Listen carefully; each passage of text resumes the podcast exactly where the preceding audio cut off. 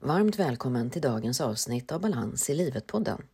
Här samtalar jag med min kollega Karin Axel Nymark som också är symbolpedagog precis som jag och som tidigare har varit ordförande i Symbolföreningen, vår yrkesförening.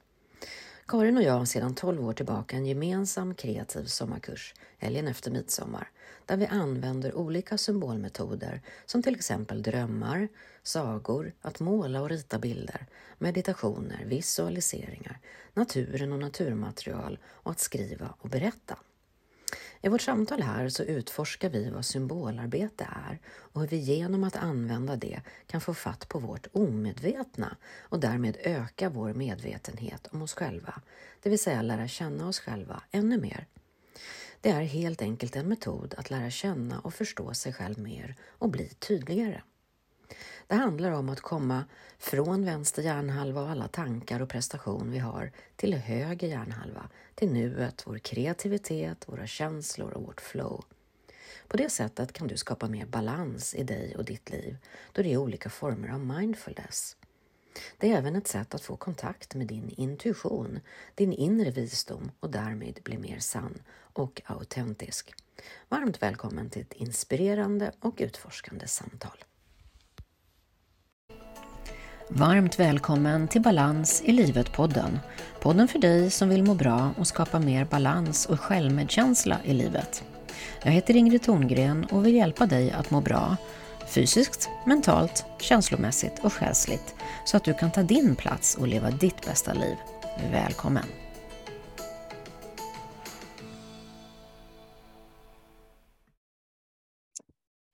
Karin och varmt välkommen hit till Balans i livet-podden. Så kul att du ville vara med här. Ja, men tack snälla. Kul att turen har kommit till mig. Ja, jätteroligt. Och vi känner ju varandra sedan länge. Vi började ju tillsammans som ekonomer på det stora företaget där vi jobbade en gång i tiden. Och sedan när vi väl slutade där så har vi utbildat oss tillsammans till symbolpedagoger 2010-2011. Mm. utbildning och lite syftet med det var ju att också hålla kurser och utbildningar tillsammans, vilket vi har gjort sedan dess. Mm. Bland annat vår eh, kreativa sommarkurs, eh, helgen efter midsommar varje år, som vi har nu haft i 12 år. Och lite andra kurser också, kreativa helgkurser, meditationsgrupper och så vidare. Mm. Eh, och vi har ju också, eller vi är med båda två i vår yrkesförening, Symbolföreningen, där ju du också tidigare har varit eh, ordförande. Ehm, så vi har ju haft eh, vänskap och kolleg, varit kollegor under lång tid. Så jag tänker du kan väl berätta lite kort om, eh, om vem du är, din bakgrund och lite hur du kom in på det här med personlig utveckling och symbolpedagogik och sådär. Mm.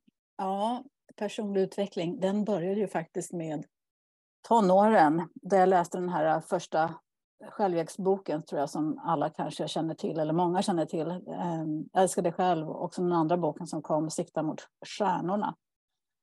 Ehm, där börjar det faktiskt med den existentiella ehm, förvirringen. Varför finns jag till och vad är meningen och allt sånt. Där börjar det. Och mm. sen fortsatte den resan, kanske inte så djupt, utan den utvecklades sen på 90-talet. Eh, då den tog kraft ordentligt när jag jobbade på det här stora företaget.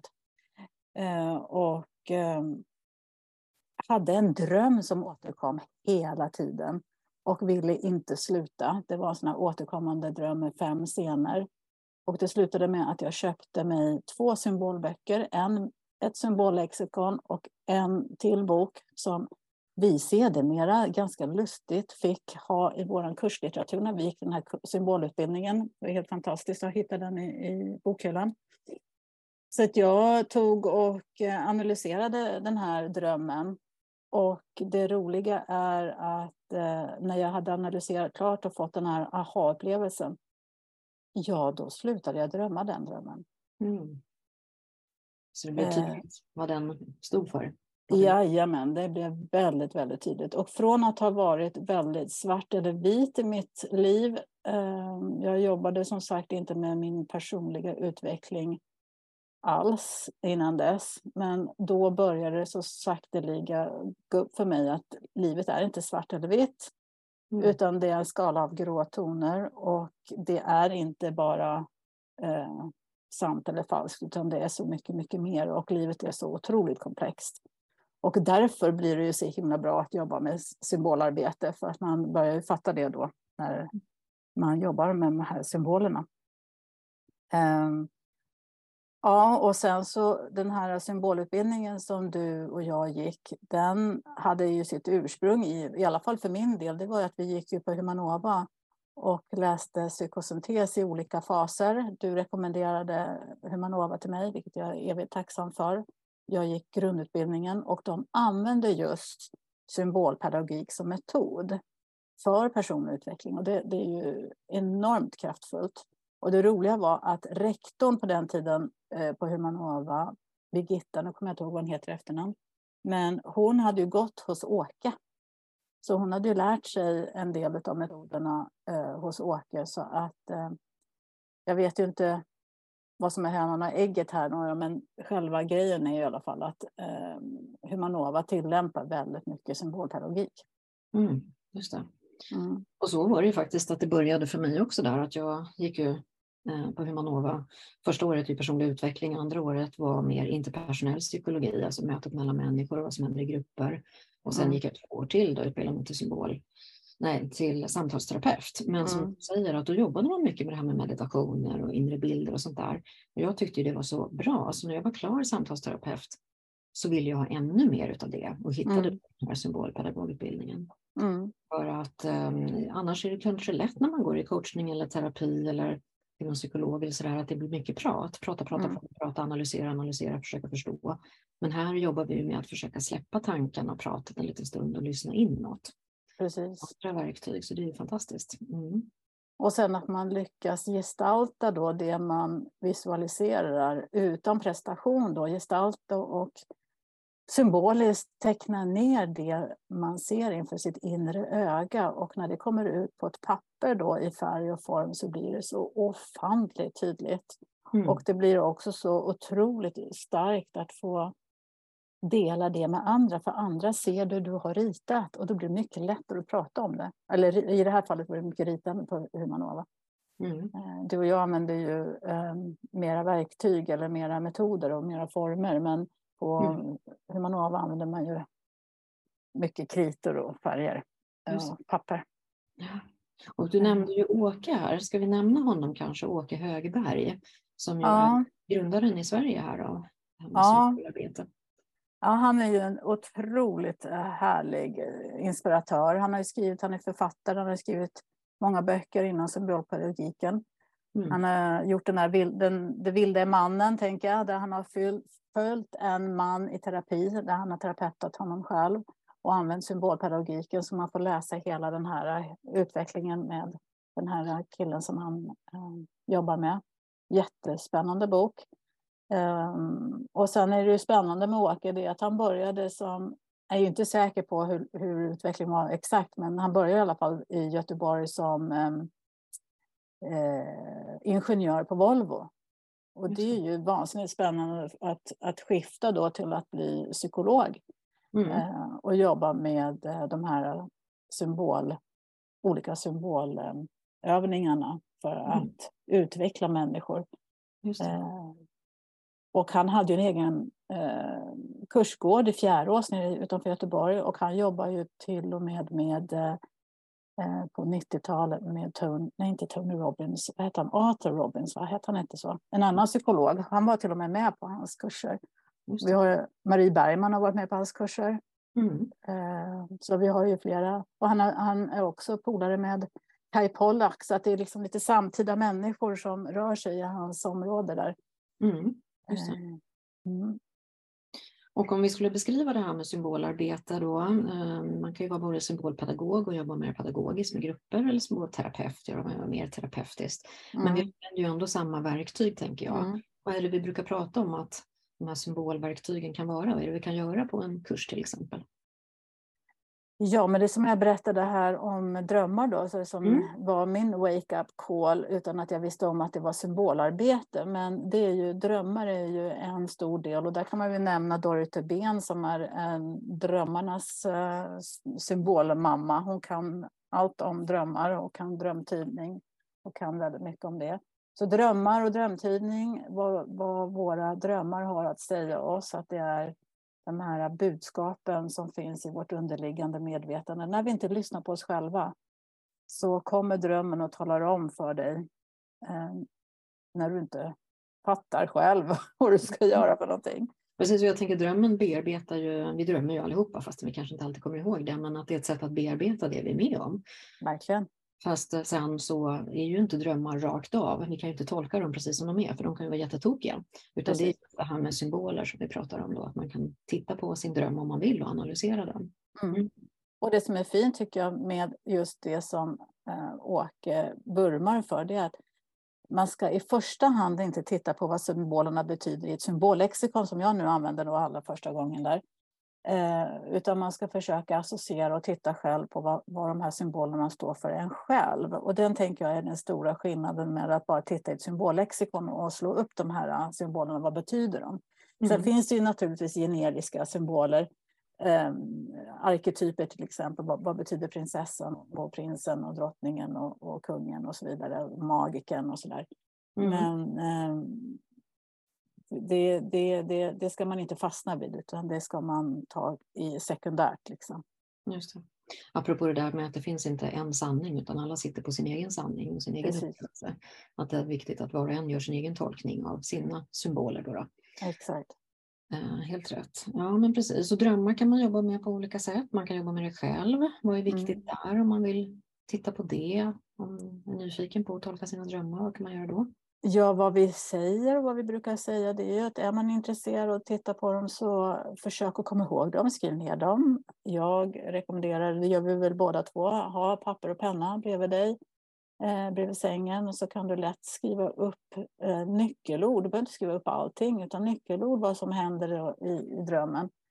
Eh, och så kan du senare när du är i vaket tillstånd eh, börja eh, analysera drömmen och det kan vi göra på lite olika sätt vi har ju olika metoder för det.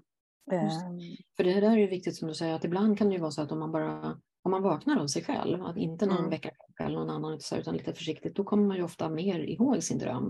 Och att mm. man kanske då medan man till och med fortfarande ligger kvar i sängen stilla mm. kan liksom gå igenom drömmen igen. För så fort vi börjar gå upp och vakna och sådär, då försvinner ju drömmen oftast.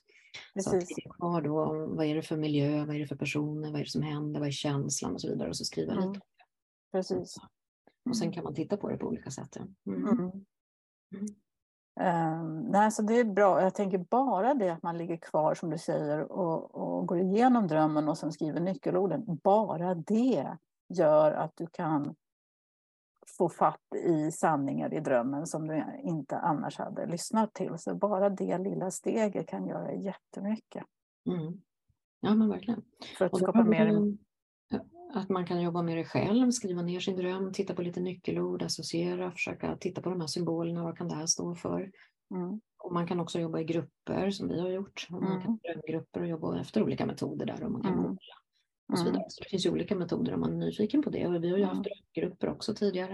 Mm. Så att, eh, det finns mycket att kika på där. Så drömmen är ett verktyg då om vi ska jobba symboliskt. Vad brukar vi göra mer? Ja, sen har vi ju eh, sagor, är ju spännande. Ja. De sagorna som de tycker jag är extra spännande, sagorna som eh, vi är uppvuxna med, de påverkar oss jättemycket. Och eh, de kan man verkligen titta på. Mm. Eh, och vi läser ibland olika sagor i våra kurser. Och sen så får man måla till dem och då får man få fatt i olika delar som man för stunden kanske tycker det är lite intressant att, att, måla en bild eller en scen eller en symbol. Och utifrån det så jobbar du vidare med den personliga utvecklingen och se var, varför kom just det här upp till dig just nu. Um, att du väljer att måla den här scenen, den här bilden.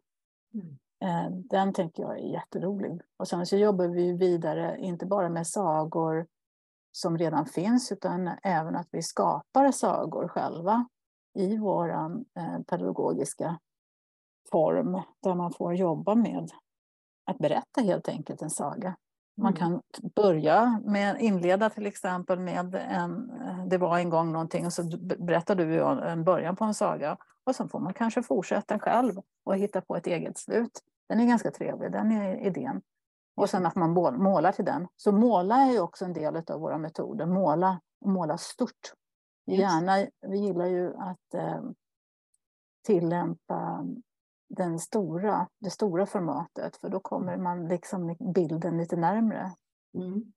Måla stort på akryl använder vi på staffli. Precis. Exakt. Så den, det är också en form att använda bilden, målandet. Eh, Jag tänker att i nästan alla övningar vi gör, eller innan vi gör en övning, så börjar vi ju alltid med en avslappning. Ja, den tycker jag är bra. För att eh, komma ifrån vänster hjärnhalva och tankarna lite grann och liksom lyssna inåt och komma över till höger hjärnhalva och liksom lyssna in till det här som finns här inne. Exakt. Släppa tankarna och prestation och allt vad det nu kan vara och bara komma till nuet. Liksom. Mm. Mm. Ja, det... Beroende på vad det nu är. Mm. Precis. Ja, det, det, det, är alltid bra att börja med en liten eh, landningsövning brukar vi säga att det mm. kallas för. Att vi försöker att landa precis i nuet där vi släpper på allting som har hänt tidigare och fokuserar på bara vara härvarande eller närvarande. Mm. Um, för att stänga ut allt, vad de kallar det, monkey thoughts och bara vara närvarande. Det är så skönt att kunna tillhandahålla det också. Att mm. ge varandra, våra deltagare, en sån stund. Mm. För på det sättet så är det ju verkligen, eh, all, allt inom symbolpedagogik är ju en form av mindfulness kan man säga. Mm. Just vi släpper tankar, vi släpper prestation, vi släpper vardag, allt annat och lyssnar inåt en stund. Att mm. vi med oss själva liksom och bara mm.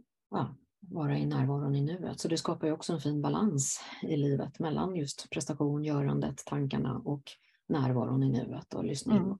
Mm. mm. Och sen så, som sagt så processar vi olika saker, bilder, sagor, symboler. Mm. Mm. Och då har vi tagit drömmar, vi har tagit sagor, vi har tagit bilden. En annan grej som eh, jag vurmar jättemycket för, det är ju metaforer. Det tycker jag är så himla häftigt hur man kan använda metaforer för att beskriva något vardagligt ting. Ja, berätta. Eh. Hur jobbar du med det? Eller vad, hur gör vi då? Ja, men eftersom jag är business controller och jobbar som det också så älskar jag att jobba med det metaforiska när vi jobbar med visioner och mål och när vi ska förklara hur en organisation funkar. Och då gillar jag jättemycket att använda skeppet. Hur, hur, hur ska ett skepp styras? Hur ska vi organisera ett arbete? Vem är kapten? Vem är navigatör? Hur ska vi, var ska vi ta oss någonting? Var är målet någonstans? Eh, hur fort ska vi ta oss? Vad är det för typ av skepp vi far fram med? Så det är en jättefin metafor tänker jag för att beskriva vår organisation till exempel. Och mm. vad vi ska och vad syftet är med resan. Vad är visionen och så där. Så att det är väl en jättebra ehm, eh, förklaring vad en metafor är och sen hur vi mm. kan använda dem då i vårt symbolarbete. Så att det blir mer en bild kan man säga istället för att mm. det ord. Så kan Exakt. man få hjälp av bilden att uttrycka ja tydligare mm. också. Mm. Precis. Mm. Eh, och sen så har vi ju dikter, poesi. Vi använder vers och rim, också jättespännande. Mm. Eh, att vara kreativ med, med ord. Um, och sen så använder vi olika material. Vi använder lera, vi använder naturmaterial. Det är roligt när vi tar våra limpetstolar och man får ut i naturen och, och plocka olika eh, naturföremål och skapa någonting som vi ger någon liten instruktion till. Den är också väldigt, väldigt härlig att använda. Gå ut i naturen och, och komma nära naturen. Och tänker, det är ju också ett symbolarbete, den existentiella, att komma nära sitt existentiella jag. Och göra det ute i naturen är ju fenomenalt. Mm. Det är ju oslagbart. Ja, kontakten med naturen och vårt ursprung och och också varvar vi ner där. Det lättare att få kontakt med sina sinnen, kanske utnyttja sinnena eh, i naturen och uppleva naturen med sinnena. Mm. Och sen som du sagt, att skapa någonting med naturmaterial. Och ofta upplever jag att många tycker att det är mindre prestation i det, att det är mer mm. kravlöst när man ska bara skapa något med naturmaterial än till exempel när man ska måla som för en del kan bli mycket prestation. Man har en mm. idé om att det ska se ut på ett visst sätt och så blir det inte så och så blir man missnöjd och sådär. Mm. Men här blir det lite vad det blir i det mm. kreativa. Eh, mm. Naturmaterial till exempel eller något annat. Mm. mm. Ja, det är bra.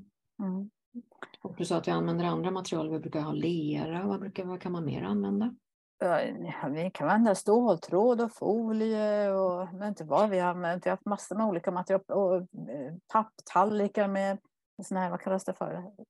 Inte såna här fladdrigt papper, vad heter det? Silkespapper. Silkespapper, ja. Silkespapper. Ehm, ja, men det finns bara, fantasin sätter ju stopp. Liksom. Det är, liksom, allting är möjligt att göra någonting utav. Mm. Vi använder symbolkort förstås, fotografier och kort. Just. Jättemycket symbolkort. Mm. Hur kan man jobba med det då, tänker du? Vad är det för något? Ja, hur tänker jag? Hur tänker du? hur tänker vi? Ja, men symbolkort... För någon som inte vet vad det är, tänker jag. Ja, precis. Um, jo, men symbolkort är ju... Det finns ju massor med olika typer av symbolkort. Det finns ingenting som är rätt eller fel här i de här symbolkorten i den här världen där man kan, man kan köpa vilka som helst. Och man kan göra, vi gjorde ju symbolkort eh, från vår kurs när vi gick eh, i Väddö där på vår symbolutbildning. Och då gjorde vi egna symbolkort och det tycker jag, den brukar jag använda rätt ofta, den kortleken som vi gjorde. Mm. Eh, och då har vi ju tagit små bitar av alla de här tavlorna som vi gjorde, eller målningarna som hela gruppen gjorde. Och sen så är de inplastade så vi har vår egen lilla symbolhög och de, den kan man ju använda på massor med olika sätt. Man lägger ut dem, man kan jobba, eh, köra, lägga dem, antingen lägger man dem upp och ner så man inte ser framsidan utan man ser bara baksidan. Eh, så kan man ta slumpmässigt ett kort och så kan man se vad det mm, kan betyda för en i stunden. Eh, sen kan man vända upp och ner, alltså så man ser dem bilden uppåt. Då. Och så kan man använda dem och ställa olika frågor mm. och, och, välja specifika kort för att de ska betyda någonting. Så att man kan använda dem på så otroligt många olika sätt. Mm. Eh, jag brukar använda dem ibland som icebreakers, alltså som man liksom sätter igång ett samtal. Det är jättebra att ta ett, ett symbolkort eller kanske tre kort. Eh, och så ställer man vissa frågor och så börjar man med det. Det kan ju vara kopplat till workshopen som man har eller gruppen som man har. Mm. Eh, man kan prata om vad man mår bra av och vad visionen är eller vad målet är. Eller, ja, det är så mycket man kan Ja, just det. Och någonting ja. som jag tycker är bra att ha, eh, det kan man ju både hade jag i arbetsgruppen när jag jobbade eh, tidigare som chef, men också man kan ha på en kurs eller en grupp eller i ett samtal. Det här med mm. tre kort, att välja ett som ligger bakom och välja ett kort som är du just nu kanske i gruppen ja. eller ditt läge och sen ett, vad längtar du efter eller vem skulle du vilja vara i framtiden? Så får man liksom en hjälp lite grann att relatera både sig själv till varandra och eh, på en tidslinje på något sätt. Mm. Och det är bra om man inte har möjlighet till exempel att, att deltagarna själva ska rita och måla och sådär. Då kan ja. man använda färdiga kort. Ja, mm. ja, den är jättebra. Den använder jag själv eh, varje år. Jag menar, du och jag började ju för hundra år sedan så började vi med eh, vårt bokslut. Liksom. Vi körde ju mycket det med tarotkort tillsammans. Mm. Eh, och det använder jag fortfarande. Jag använder det varje år när jag skapar mitt mål för året. Och sen har jag en grupp som vi träffas en gång i månaden och gör vårt kreativa månadsbokslut här. Det, och vi tillämpar ju en del av den där tekniken då också. Mm, precis. Eh, I den reflektionen. Vad har vi bakom oss den här månaden? Var är vi nu och vad har vi framför oss? Just Så att, eh, den är, och vi som ekonomer, vi gillar ju den här uppföljningsmantrat. att jobba med uppföljning är ju det som är faktiskt um, en nyckel till framgång. Jobbar vi inte med uppföljning så är det svårt att veta vart man ska någonstans och värdera det man har mm. varit med om och man ska framåt. Mm. Och då är de här symbolövningarna extremt eh, användbara. Mm. Mm. mm. Okej, okay, så att vi mediterar och vi visualiserar, vi målar och vi skriver som du sa, att man kan mm. välja ut. Och jag tänker ett annat ord som är viktigt i symbolarbetet är också det här med betrakta din bild. Ja, verkligen. Om man har målat, oavsett om man målar en liten eller en stor bild, men ofta är vi ju väldigt noga med det om man målar en stor bild. Men det kan ju också vara en symbol man har skapat eller någonting. Mm. Man betraktar det man har skapat då. Mm. Och varför är det viktigt? Ja, varför är det viktigt att eh, betrakta den först? Jo, det är ju för att man inte ska börja analysera så snabbt, utan man ska helst gå någon steg tillbaka och titta titta på din, vad du har skapat från lite olika perspektiv. Eh, och betrakta den faktamässigt innan man börjar analysera. För då dyker mm. någonting annat upp som du kanske inte hade tänkt dig. Just. Så att um, ta dig tid att betrakta, att vara en observatör. Och det gäller lika mycket i vardagen. Att, att stimulera varandra till att stanna upp och bara betrakta. Och inte döma och inte värdera utan att observera. Just det. För det är lätt att man kommer i den där analysfasen med en gång, att man ska analysera. Exakt. Att betrakta vad man, bara vad man ser faktamässigt, att börja där. Ja, mm. så den och den, och vi brukar väl inspirera till att man, just när det gäller tavlor, att vi tittar på den, liksom, vad som är uppe, vad som är nere, vad, vad är i centrum, vad är på sidorna, vad är mörkt, vad är ljus. Så man liksom mer använder sin förmåga att, att, ja, att se, verkligen. Mm. Mm först. Precis, och sen kan man ju titta lite på vad kommer det då för tankar och känslor när du betraktar din bild här. Ja. För ibland kan ju en bild väcka någonting positivt. Jag känner mig glad, jag känner mig energifylld, jag känner mig positiv när jag ser min bild. Eller så kan det bli tvärtom, att jag blir rädd eller jag blir berörd eller jag blir arg. Eller, mm. Alltså att det blir en negativ känsla så att säga. Mm. Och ibland kan man ju verkligen att det kan skaka om och se en bild, att det kanske dyker upp någonting som jag inte alls har tänkt på. Jag får se syn på någonting från mitt inre på något sätt här, mm. den här bilden, mm. som jag har tänkt på förut. Mm. Så, mm. mm. Och det roliga tycker jag också är ju, eh, vi har ju en teknik, vi, vi ställer ju frågor. Eh, och det är också så att vi tillåter deltagarna ställa frågor. Eh, som om det vore min bild, så att man gör bilden till sig själv och gör den till sin egen. Och då får den andra personen någonting sig till livs. Så att det är ju också så att du kan betrakta någon annans bild och själv inte analysera för den personens skull, utan för sin egen skull så kan mm. man se någonting. Som dessutom kan ge den första personen någonting. Mm. Så vi har ju också det här med delandet. Eh, och jag tänker också i dialogform. Vi har ju väldigt mycket jag har läst lite om, om Platon här, eller inspirerats av honom, men den, den här formen som vi har att sitta i ett forum i en cirkel och dela, mm. den är också oerhört stark, att vi, vi tillämpar den här eh, formen av samtal där vi delar och speglar varandra. Verkligen. Ja. Nej, men precis som när någon har målat en bild och sen så betraktar den och beskriver den och sen får berätta om den bilden då för de andra mm. i grupp. Um, så, och se vad som kommer fram där. Mm. Som du säger det här med att, att de andra deltagarna kan säga så här, om det här vore min bild, om jag hade målat den här bilden, mm. hade jag sett det här, eller då hade mm. jag känt det här, eller vad det nu kan vara. Mm. Ett sätt att lära sig, som du säger, från varandras bilder, men också att ge någonting mm. den här personen utan att analysera att jag tror att det här betyder det där för dig, för det ska vi ju inte göra. Men mer hämtar hem det till sig själv. Om det här vore Precis. min bild, om jag hade målat den, då skulle jag se det här, eller känna mm. det. Tänka det. Ja, och det är ju också ett sätt det här, men gör det här i olika steg. Först kommer vi i kontakt med något inom oss själva och så får vi ut det genom att vi målar eller ritar eller skapar någonting.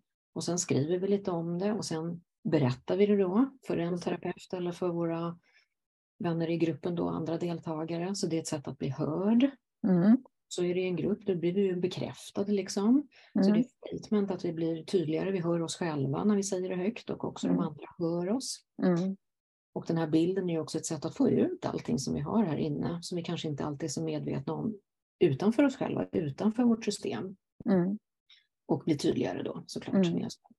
För det är väl det som egentligen hela symbolarbetet handlar om, tänker jag. Att, att skapa en större medvetenhet genom att få mer kontakt med det omedvetna. Mm. Genom Precis. de här övningarna. Det är inte Precis. det vi tänker ut utan det som dyker upp här. Liksom. Precis. Det omedvetna språket. Mm. Exakt. Det är det, de omedvetna kunskaperna, förnimmelserna, känslorna, mm. visdomen inom oss. Jag tänker det är ett sätt att få kontakt med vår intuition. Där mm. vi kopplar ihop intuitionen, där vi kopplar ihop den här the gut feeling, vårt hjärta och våran, vårt intellekt. Att mm. vi kopplar ihop de här delarna så att vi kan ta mer medvetna val utifrån ett rent jag, så vi kan komma till att bli mer autentiska och faktiskt lära oss. Vi tappar väldigt bort, i det här samhället som vi lever i, så tappar vi bort vår förmåga att lyssna in till eh, intuitionen. Vi är så styr, utanpåstyrda. jag är extremt, har varit utanpåstyrd och gör som alla andra förväntar sig att man ska göra. Eh, och jag har tränat jättemycket på att, att lyssna inåt, men vad vill jag? Mm. Det är en otrolig konstart att, att uh, lyssna in till den där inre visa, visa, vise, visa röst, rösten. Mm. Vad har den att säga? Och det här symbolarbetet är ju ett effektivt medel för att komma dit. Ja. Att, um, och det är ju liksom vår tanke här och vår tro att, att var och en har ju sin sanning inom sig och sina svar inom sig, sin vishet. Men det här är ett sätt att få kontakt med den delen. Exakt. Att istället för att vara utifrån styrd som du sa och tänka vad tycker de andra eller vad borde man göra eller dut, dut, dut, så ja, mm. men, hur känns det faktiskt? Liksom, ja. Egen sanning inom mig. Och att den får större plats för att bli mer mm. medveten som sagt, att bli mm. mer i kontakt. Mm. Det är ju så, jag tror att definitivt att det är så att är det så att vi människor tappar bort vår förmåga till intuition och komma nära oss själva så är vi väldigt lättstyrda. Mm. Så att mm. makthavare kan ju lätt manipulera oss och låta oss göra precis som de själva vill utan att vi säger varken bu eller bä. Så att mm. det här är väldigt viktigt för oss i, i ett arbete att skapa världsmedborgare, att vi ska vara vakna och nyfikna eh, medmänniskor helt enkelt. Att vara lite nyfikna och intresserade av det som är på riktigt sant. Mm och viktigt för mm. var och en av oss. Mm. Och vi tar oss då från den här vänstra hjärnhalvan som jag brukar prata om, där vi är mycket i vårt intellekt och våra tankar och egot och så vidare, prestation och görande, till höger hjärnhalva där vi gör den här avslappningen, vi kommer ner i varv, vi släpper våra tankar en stund, vi lyssnar in till vår egen inre vishet, vårt själv, mm. Mm. vår intuition, våra känslor, det som vi säger, liksom vår inre värld då, och så ger mm. utlopp för det på olika kreativa sätt. Så det är ett sätt mm. att skapa större utrymme för den delen av oss mm. som ju vi alla har, men vi är inte så mycket i kontakt med alltid. Mm. Och i symbol brukar man prata om att det grekiska och att det ordet står för att lägga samman eller integrera. Mm, precis. Så vi sätter samman olika delar av oss, så att det är ett sätt att bli mer hel, brukar vi prata om. Absolut. Att förstå det det. sina olika delar. Mm.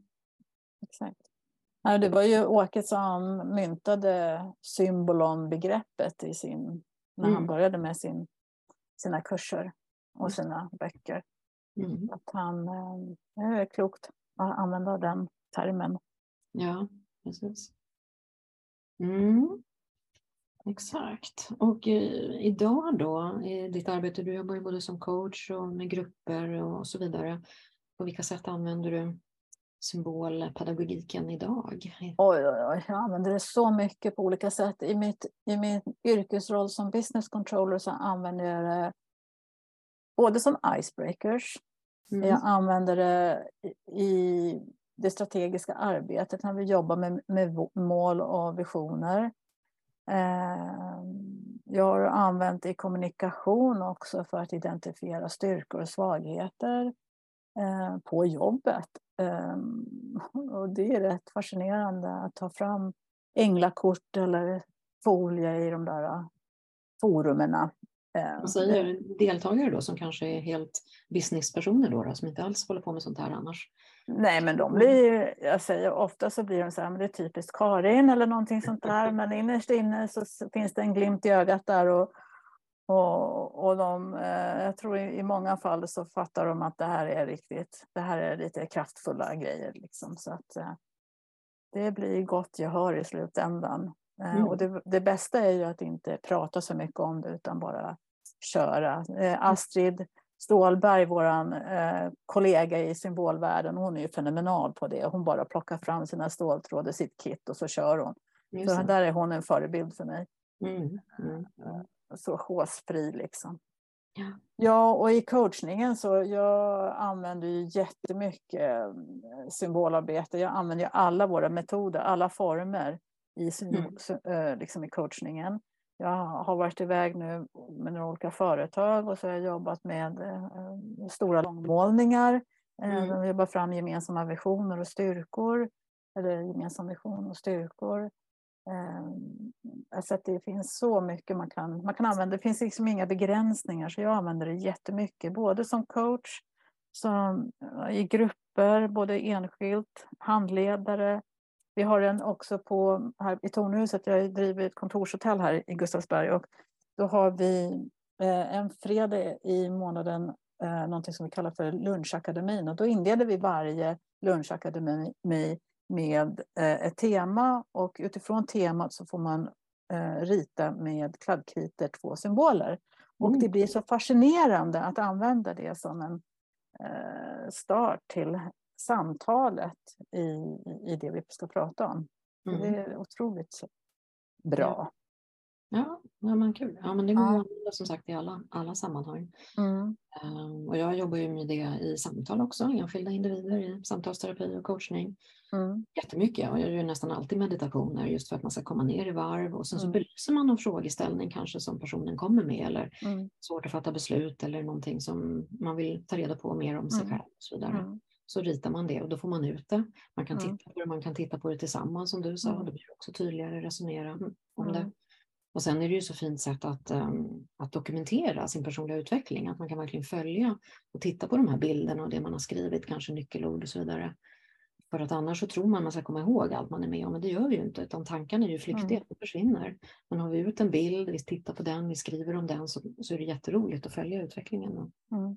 Jag hörde att du intervjuade Åsa och hon, ja. hon är ju fenomenal på det. Just det. Och har dokumenterat, hon är väldigt ordningsam och noggrann och det är ju fantastiskt att få följa henne och när hon berättar eh, alla de här åren hon varit med på våra kurser. Mm. Eh, tänker hon är ett lysande exempel på det. Ja men verkligen. Sen så brukar jag också i, i både mina kurser och kurser vi har tillsammans så börjar jag alltid med att man får göra en backspegel. Så oavsett mm. om det är en backspegel för en dag eller en vecka eller en månad mm. så börjar man alltid med det och det är alltid för att få ett, liksom nu, ett nytt nuläge. Exakt. Den här senaste tiden man checkar in lite med sig själv och varandra och sen jobbar man framåt. Så det, det är jättebra, tydligt. Mm. Mm. Och är man med på längre kurser nu har jag ju medlemskap och sådana saker online, men också de här retriten och kreativa sommarkurserna och sådana saker att få jobba mer längre. Och det är ju ett sätt att skala den där löken som vi brukar prata om i personlig utvecklingssammanhanget, att komma närmare sin inre kärna eller mm. sig själv eller sin sanning. Att, att jobba med de här processerna då, att göra fler sådana här övningar. Mm. mm. Och titta lite på vad befinner jag mig i mitt liv och vad längtar jag efter? Mm. Och det blir så snabbt, så tydligt tycker jag, det är det häftigaste. Mm. Att det verkligen är ett, ett, ett bra sätt att bli tydlig och skapa en större medvetenhet och förstå sig själv. Mm. Helt enig. Bra. Mm. Och jag tänker det största hindret upplever jag, alltså när jag håller på med de här kreativa sakerna, både dans och, och måleri som jag håller på med, så är det ju när jag berättar att jag gör det så säger många att jag kan inte dansa och jag kan inte måla. Mm. Då är vi kvar där i intellektet att liksom, jag kan inte det här, att man måste kunna någonting, att det ska vara bra eller snyggt eller sådär. Uh, och det är ju den där prestationen då tänker jag. Mm. Uh, så vad tänker du kring det? Hur kan man få någon att våga prova ändå? Ja, alltså om man säger att man inte kan, ja då säger vi att det har inte med det att göra. Mm. Det handlar inte om kunskap och det handlar inte om erfarenhet, utan det handlar bara om att våga prova. Och vill man eh, prova så kan de ju alltid ringa till dig och mig och så kan de få göra en liten symbolövning via telefon om man, vill, om man tycker att det är lite läskigt. Mm. Eh, men det, jag menar, det, det, det, viktigaste är att våga gå utanför sin komfortzon då i sådana fall. Och vill man jobba med personlig utveckling, är man lite nyfiken och lite eh, intresserad av att eh, prova på något nytt om man inte har jobbat med det tidigare så är det ju bara att ja, alltså, inte bara komma, man betalar inte bara en stor summa så och går på en kurs. Men jag tänker då kan man ju komma och, och prova på, på antingen någonting som du har eller också någonting som jag har. Eller någon annan symbolare som har någonting. Eh, mm. Eller också är det bara, är det, för mig är det bara ringa och så kan man ju köra någon symbolövning. Eh, fysiskt eller digitalt, det spelar ingen roll, för det funkar lika bra. Men de, mm. det viktigaste budskapet är ju att det handlar inte ett dugg om att man ska kunna någonting, utan det är ju bara att göra. Det är bara att liksom låta fantasin flöda och eh, leken få ta vid och släppa på prestation och mm. bara vara i det. Och det är väl kanske det som, som en del då mm, har lite utmaning, att man har svårt att släppa de där tankarna och prestationen och egot, att det ska vara snyggt eller vara på något speciellt sätt. Mm. Um, men att kunna göra det ändå, att träna på mm. det, ju mer vi tränar på något, ju lättare blir det ju ofta. Så att våga, som du säger, gå utanför sin komfortzon och våga testa fast man kanske aldrig har gjort det förut. Mm. Prova på att göra en avslappning, att göra en meditation, att rita en bild, att röra sig fritt och så vidare. Så Mm. blir det Mm. lättare ju mer jag gör det. Mm. För vi brukar vara tydliga när vi har våra kurser att vi säger att det, man ska inte döma, Nej. vi ska inte värdera. Och det både att inte säga någonting till någon annan heller, vad fint du gör, eller vad fult jag gör, utan att bara hålla det inne. Den, den tanken får man behålla för sig själv och sen så bara säga att det där var intressant, eller det där var annorlunda, eller det där var, ja, det där blir jag lite mer nyfiken på. Ja. Att ha ett sådant förhållningssätt, liksom, att inte vara där och peta i vad som är rätt och fel eller Nej. snyggt eller fult. Utan, Det ska vara så värderingsfritt och prestationsfritt som möjligt. Sen ja, en massa tankar om det ändå, men att ändå bara titta på sin bild och se, okej.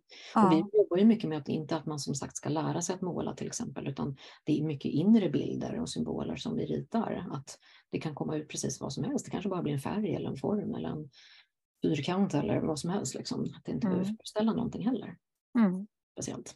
nej, Så att man inte går från tanken till intellektet att det här ska bli exakt det här, utan mer låta det som dyker upp, det dyker upp. mm.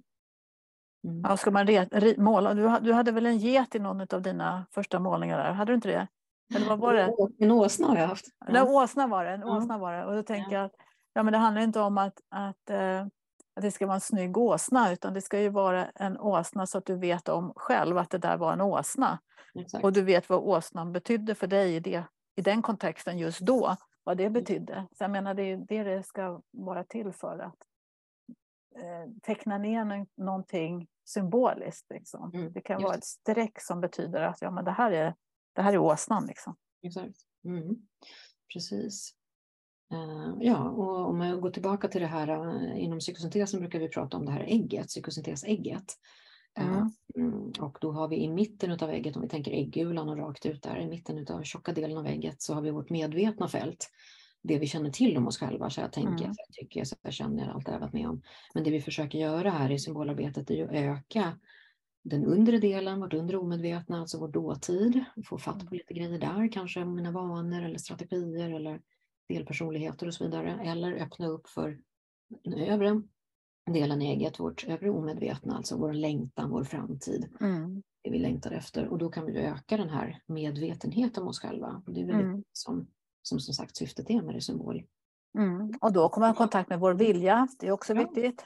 När vi ökar vår medvetenhet, då Mm. är det mycket lättare att komma i kontakt med viljans olika aspekter. Och den är ju helt fenomenal. Att vi just använder Asagiolis och psykosyntesen i vårt arbete för den personliga utvecklingen i samklang med det här. Då.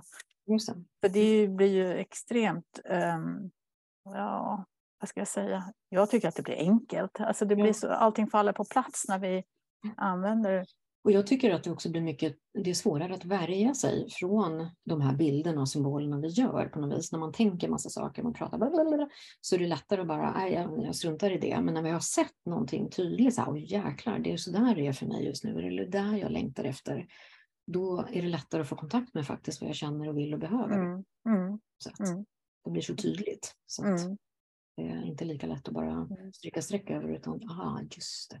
Mm. Och någonting som vi ska påminna om det är ju liksom att både bilden, eh, gestaltade formen, om vi gör någonting i lera eller vad det är för någonting, så är det ju eh, även, för vi gör ju en reflektion, var och en får ju oftast göra en reflektion som man får sitta och skriva ner.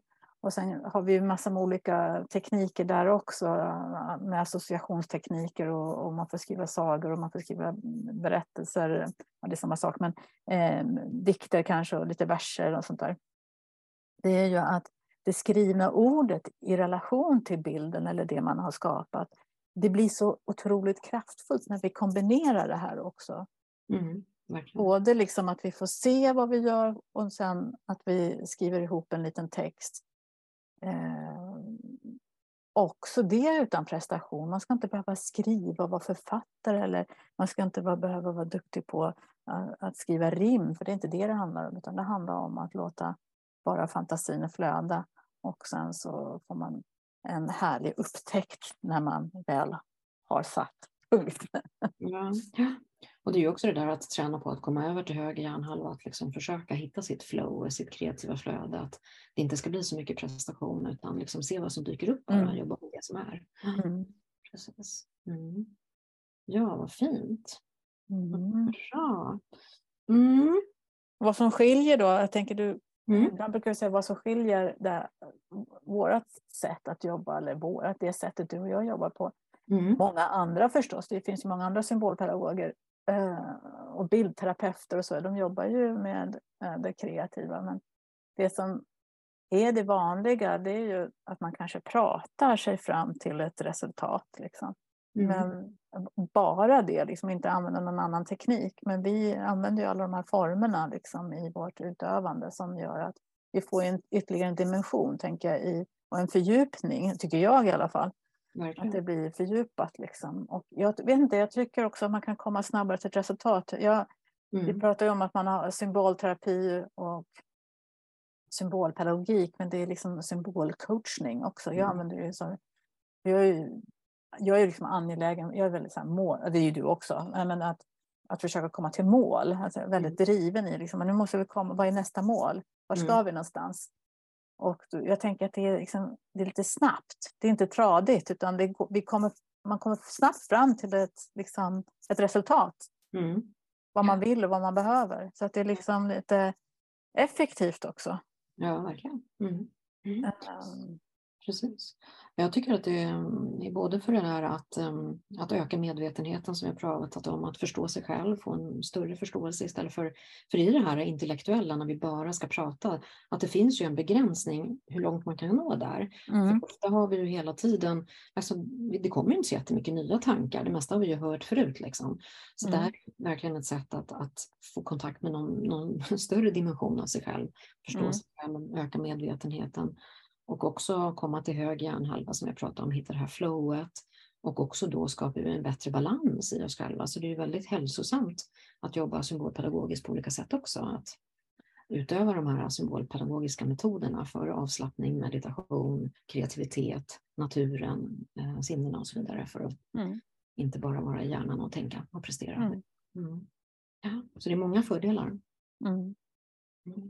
Och på den här kreativa sommarkursen som vi har så har vi ett inslag av frigörande dans också. Och det kan man ju göra på olika sätt, men nu brukar jag leda dem som pedagoger frigörande dans, men att ha med sig kroppen också, för i kroppen finns ju också mycket visdom, att vi har våra känslor som förnimmelser och så vidare, så att det är också en sätt att få med sig den delen.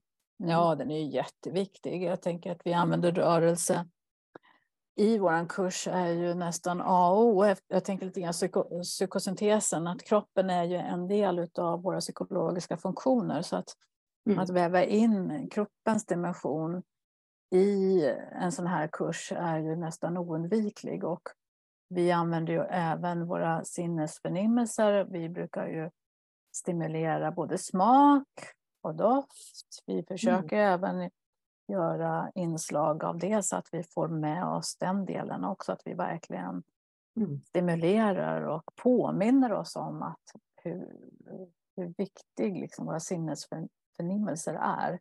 Ja, ja, det är också ehm. bra närvaroträning. Verkligen, verkligen. På olika sätt. Mm. Tillit, vi jobbar med tillitsövningar också. Ja, just det.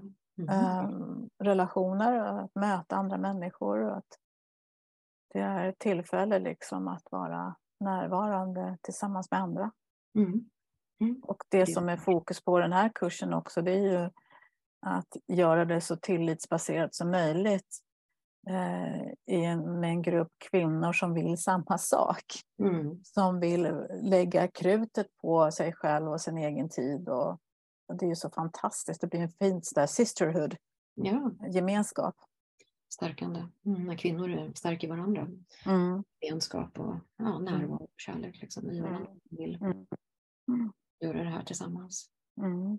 Fint. Ja, vad bra. Är det någonting annat sådär som du kommer på att du vill säga här om symbol? Eller något annat som känns viktigt innan vi avrundar? Nej, jag sätter det bara, vi behöver skapa fokus på vår fantasi. Mm. Ehm, jag tror att vi ehm, i den här världen också glömmer bort att skapandet Och fantasin är en väg till att skapa lösningar, att tillhandahålla problemlösning. Och här har vi ett stort, en stor, stor faktor för att uh, bli bättre på att problem, problemlösa helt enkelt. Mm. Um, och jag vurmar väldigt mycket för nu när vi pratar AI och så vidare, att det här blir ännu viktigare, det här jobbet som vi gör och det vi ska sprida.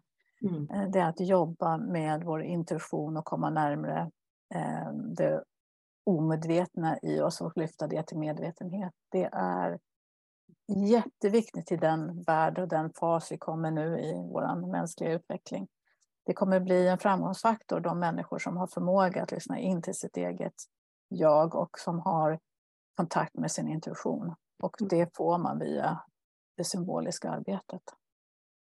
Perfekt avrundning, Karin. Så viktigt. Mm. Mycket, mycket bra. Och om man är nyfiken på, på dig och det du gör, kan man hitta mer information om, om dig? Ja, jag har en, en eh, fruktansvärd eh, hemsida som heter Skapa fokus. Eh, men där finns mina kontaktuppgifter i alla fall. Ja, eh, och lite, mm. ja, precis. Och sen så finns jag i Tornhuset, eh, tornhuset.com. Jag driver ju det tillsammans med Niklas här, som driver ett annat företag som sitter här. Vi sitter ju här båda två. Mm. Um, så, ja, men det är väl de två um, plattformarna som jag är mest på. Sen finns jag ju på Instagram som Karin Axel Nymark. Och, ja, det är bara att leta upp mig jag finns säkert på Hitta. Och... Just det. det är bara, bara googla som man säger nu för tiden. Allting finns där. Mm. Och jag tänker den här symbolföreningen som vi är medlemmar, de har ju också en mm. hemsida, symbolföreningen.se om man är nyfiken och mer det. Det finns ju idag två filialer. Åke jobbar ju inte längre, han har gått i pension, men det finns mm. två filialer som har utbildningar till symbolpedagog och symbolterapeut. Kan man mm. där. Mm. Och det finns väl också en Facebook-sida, va? Symbolföreningen mm. ja. Ringer ska... tror jag den heter. Ja. Ja, men jag ska faktiskt säga att äh, Åke fuskar ju lite grann så att han har lite kurser mm. emellanåt med, tillsammans med sin fru. Just det. Um, det ska man om man är lite intresserad av um, grundaren så ska man hålla utkik efter Åke Högberg för han ibland så har, har, håller han i någon kurs eller någonting. Just det. Ja, mm. Precis. Ja, jag gick en vidareutbildning eh, med honom precis innan corona faktiskt i februari 2020 mm. i Göteborg en vecka just för mm. skolpedagog och terapeuter. Det var helt magiskt. Mm. Det är häftigt vad som kan mm. hända. Men vad bra. Och sedan har ju vi vår kreativa sommarkurs som sagt, helgen efter mm. midsommar som mm. traditionen. Mm. Sedan har vi ju lite andra kreativa kurser och sådär framöver. Mm. Så det kan man ju hitta om man tittar på vad vi mm. gör för någonting då framöver. Mm. mm. Vad bra! Stort mm. tack för att du var med här i podden idag och delade med dig av dina erfarenheter. Tack för att jag fick vara med. Ja, vi hörs och ses. Tack för det gör vi. Tack, tack. Ja, Hej då. Tack för att du har lyssnat till dagens avsnitt av Balans i livet-podden där jag har pratat med min kollega Karin Axel Nymark. I vårt samtal har vi utforskat vad symbolarbete är och hur vi genom att använda det kan få fatt på vårt omedvetna och därmed öka vår medvetenhet om oss själva, det vill säga lära känna oss själva ännu mer. Det är ett sätt att få kontakt med din intuition, din inre visdom och därmed bli mer sann och autentisk. Att jobba med symboler i det personliga utvecklingsarbetet handlar inte om någon kunskap eller erfarenhet, bara om att vara nyfiken och viljan att prova på något nytt. Det handlar om att bara vara och våga göra. Det är helt kravlöst och prestationsfritt, där det inte finns något rätt eller fel. Är du nyfiken på att prova på symbolarbete? Varmt välkommen till min och Karins kreativa sommarkurs helgen efter midsommar där du får prova på olika symbolmetoder. Det finns bara några platser kvar, så läs mer och anmäl dig på min hemsida ingridtorngren.se sommarkurs eller klicka på länken här i poddbeskrivningen om du är intresserad. Varmt välkommen! Så tills vi hörs igen, ta hand om dig och din bästa vän, dig själv. Hej så länge!